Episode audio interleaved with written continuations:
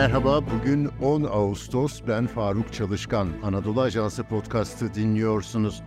Afrika'dayız. Nijer'deki darbenin seyrini ve küresel güç dengeleriyle ilişkisini iki kıymetli konukla değerlendireceğiz. Bölge muhabirimiz Esma Arslan Senegal'den katılıyor yayına. Doktor Ufuk Nejat Taşçı da yorumlarıyla bizimle beraber iki konuğa da katıldıkları için teşekkür ediyorum. Önce Esma Arslan. Batı Afrika'nın devletler arası örgütü ECOWAS'ın verdiği ultimatumun süresi 6 Ağustos'ta doldu Esma. Nijer'deki darbe ardından ülkeye bir dış müdahale şu ana kadar gerçekleşmedi. Nijer'de durum ne? Junta yönetimi ülkeye hakim mi? Merhaba Faruk Bey. E, bugün aslında darbenin 14. gününü geride bıraktık. Çok hızlı e, ve diplomatik açıdan da çok yoğun bir süreci e, geride bıraktık diyebiliriz. Dediğiniz gibi 6 Ağustos'ta süre doldu. Bir askeri müdahale beklentisi vardı ama o gerçekleşmedi. E, ECOWAS'tan bunun neden gerçekleşmediğine dair bir açıklama yapılmadı ancak e, genel kanı e, askeri müdahale için eğer bu plan uygulanacaksa e, daha uzun bir süreye, daha uzun bir hazırlık aşamasına ihtiyaç duyulduğu yönünde. E, ECOWAS bugün tekrar toplanıyor. Bugünkü toplantı aslında daha belirleyici olacak. E, çünkü ECOWAS'ın artık net bir karar vermesi gerekiyor. Gerçekten müzakere yoluyla mı bu süreci yürütecek yoksa bir askeri müdahale yoluna mı başvuracak? E, bugünkü toplantıdan e, daha net bir yanıt almayı bekliyoruz. Tabii askeri müdahale kolay bir e, seçenek değil o bölge için. Çok fazla terör örgütünün e, aktif olduğu bir alan, çok geniş bir coğrafya. Kaldı ki ECOWAS'ın tüm üyeleri arasında da e, müdahale konusunda tam bir fikir birliği yok.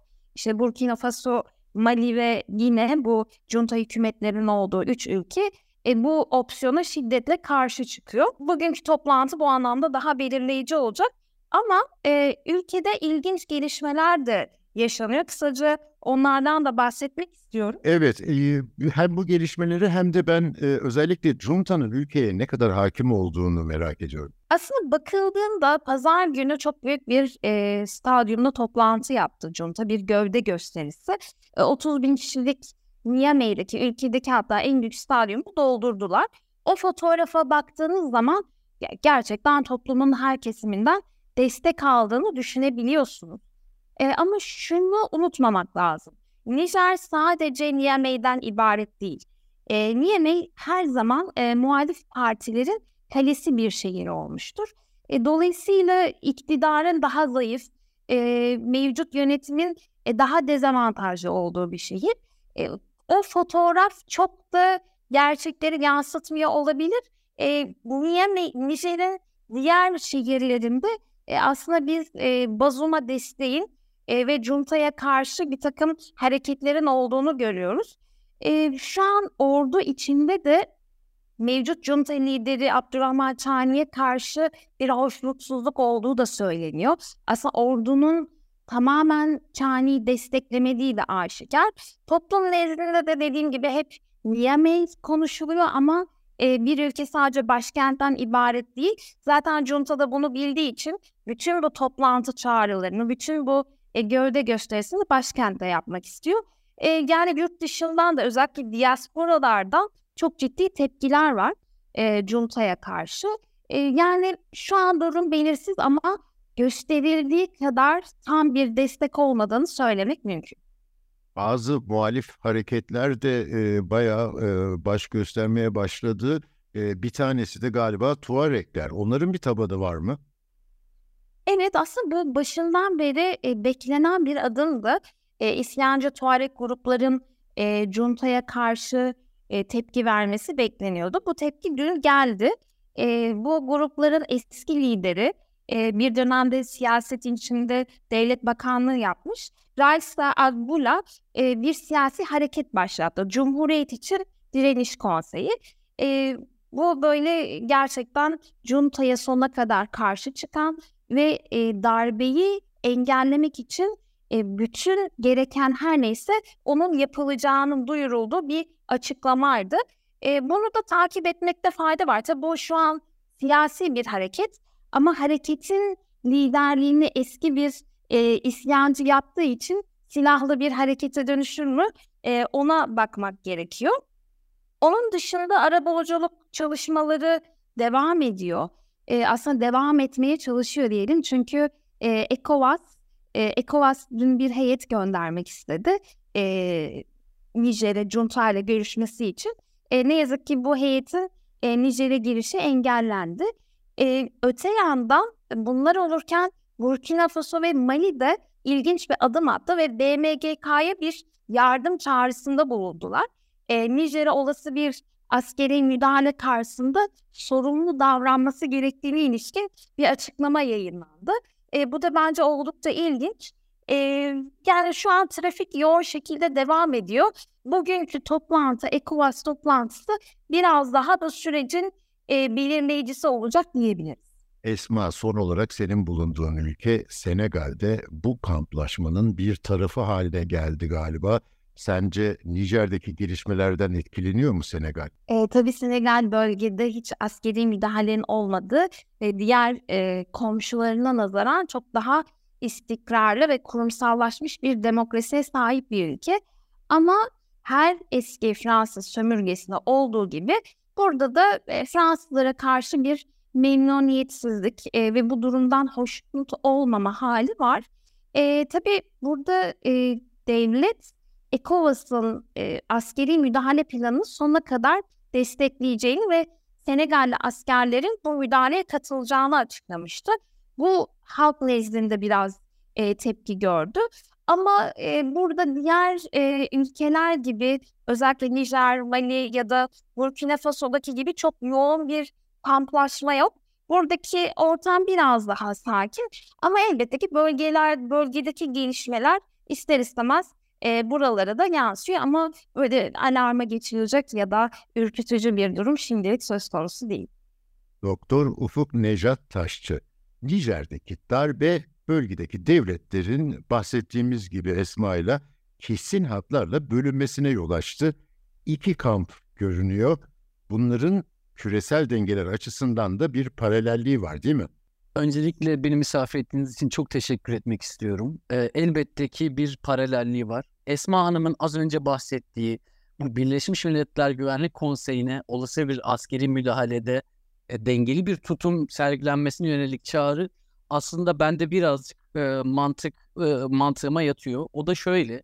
Şimdi biz Birleşmiş Milletler Güvenlik Konseyi ve uluslararası toplumun genelde Afrika kıtasındaki müdahalelerinde, gerek Libya'da gerek Orta Doğu'daki Suriye meselelerinde çok ikili ve çelişkili müdahaleler yaptığını gördük.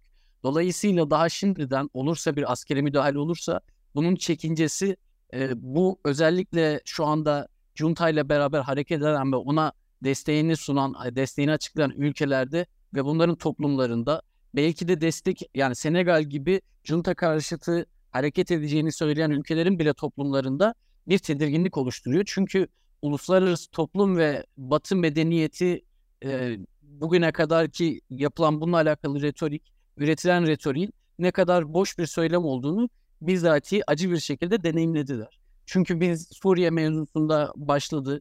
İşte e, Obama yönetiminde 12 saatte karar değiştiren bir istikrarsız ABD yönetimi. Sonra Libya meselesinde bir baktık Kaddafi ile her şey iyiyken bir anda Sarkozy ile inanılmaz bir ilişki test etmişken hatta Sarkozy Kaddafi'den aldığı e, parayla seçim kampanyasını fonladığı için şu an Fransa mahkemelerinde işte ceza bile görmüşken sonrasında aynı e, Libya'yı ilk bombalayan bu müdahalenin başını çeken ülke Fransa oldu. Dolayısıyla burada bir tutarsızlık var ve bu sadece artık Libya ile Kuzey Afrika ülkelerinde sadece sahiline sınırlı değil. Afrika kıtasında genel bir e, toplum nezdinde böyle bir şey var. Bu da şuna sebep oluyor. Özellikle yıllardır biz Fransa sömürgesinde yer alan e, ve eskiden beri işte Berlin Konferansı'nda Afrika'yı paylaşma planı olarak da bilinen Berlin Konferansı'ndan itibaren biz e, batılı ülkelerin bir türlü Afrika'da hakikaten gerçek demokratik değerleri teşvik edici e, adımları teşvik ettiğini görmedik. Bilakis kendi çıkarlarını öncelikle tutarak bunu yaptılar. Bu sadece bir e, masa ya da basmakalık bir söylem değil. Yani şimdi Afrika'daki halklara baktığınız zaman Nijer'de de bu böyle ama birçok ülkede 54 ülkenin neredeyse 25'in üzerinde resmi dil Fransızca. Şimdi Fransa Fransa sömürgeciliği bitirdiğini söylüyor ama resmi dilin Fransızca olması, zorunlu resmi eğitim gibi, işte CFA frankı gibi birçok başlarında musibet var ve bunu bir türlü atamıyorlar.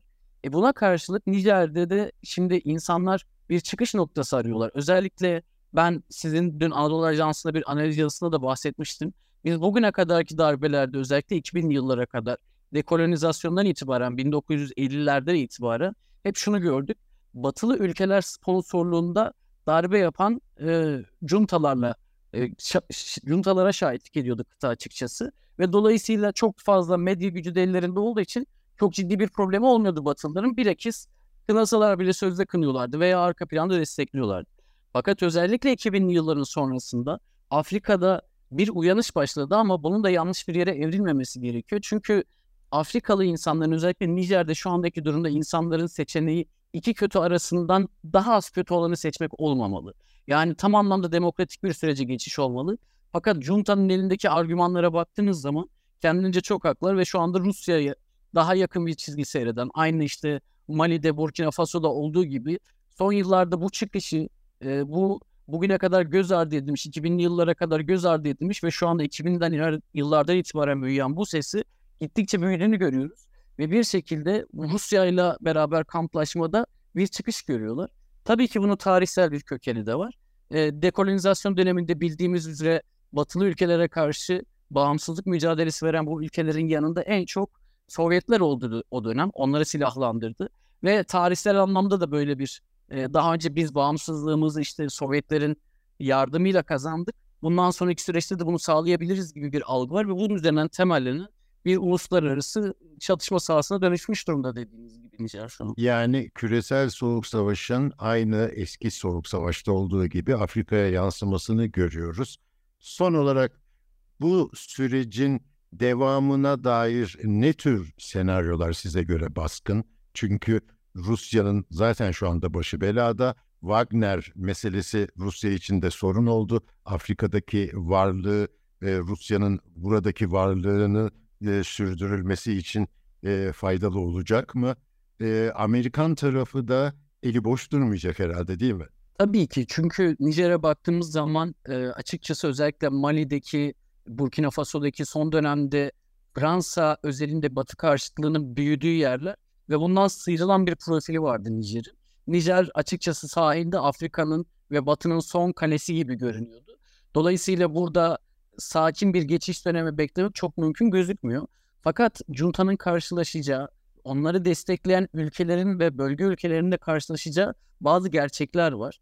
Bu gerçekler yani 1960'tan beri devam ede gelen gerçekler. Çünkü biz Fransa'nın 1961'den beri yani Nijer'in 14 Afrika ülkesinin eski eski kolonilerin hepsinin ulusal rezervlerini elde tuttuğunu, finansal olarak bu ülkelerin Fransa'ya nedenli bağlı olduğunu biliyoruz.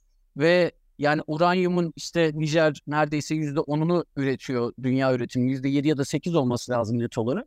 1957'deki ilk e, keşfinden itibaren 1956'da başlayan işte Fransız şeyini, kolonyalizmine tevafuk etmiştir ve 1960'tan itibaren de hep bütün keşifler Fransız firmalarından yapılmıştır. Şimdi Batı'nın burada nereden baksanız 60 senelik bir iktisadi ve askeri yatırımı var ve jeopolitik anlamda Nijer şu anda ellerinde kalan e, son kale gibi gözüküyor. Dolayısıyla çok sancılı bir geçiş dönemi olabileceğini düşünüyorum. Fakat e, dediğim gibi yani en en iyi en e, kötü darbe en iyi demokrasi mevzusu işte yani bu denklem üzerinde ele aldığınızda tabii ki bir darbe ya da darbecilerin yaptığı şeyi tasvip ettiğinden değil fakat artık Afrika'daki insanların ne uluslararası topluma ne batıya bu konuda hiçbir güveninin kalmaması bizi tarihsel olarak elimizdeki vakalara da baktığımızda bunu gösteriyor. Dolayısıyla hem yerel anlamda hem bölgesel anlamda hem de uluslararası anlamda e, çok çatışmalı bir döneme de gebe olabilir. En azından istikrarsızlık anlamında bir süre uzun bir süre bizi orta vadede bir istikrarsızlık bekliyor gibi gözüküyor. Doktor Ufuk Necat Taşçı ve Senegal'deki Anadolu Ajansı muhabiri Esma Arslan'a çok teşekkür ediyorum. Bizi hangi mecrada dinliyorsanız orada abone olmayı lütfen unutmayın. Hoşçakalın.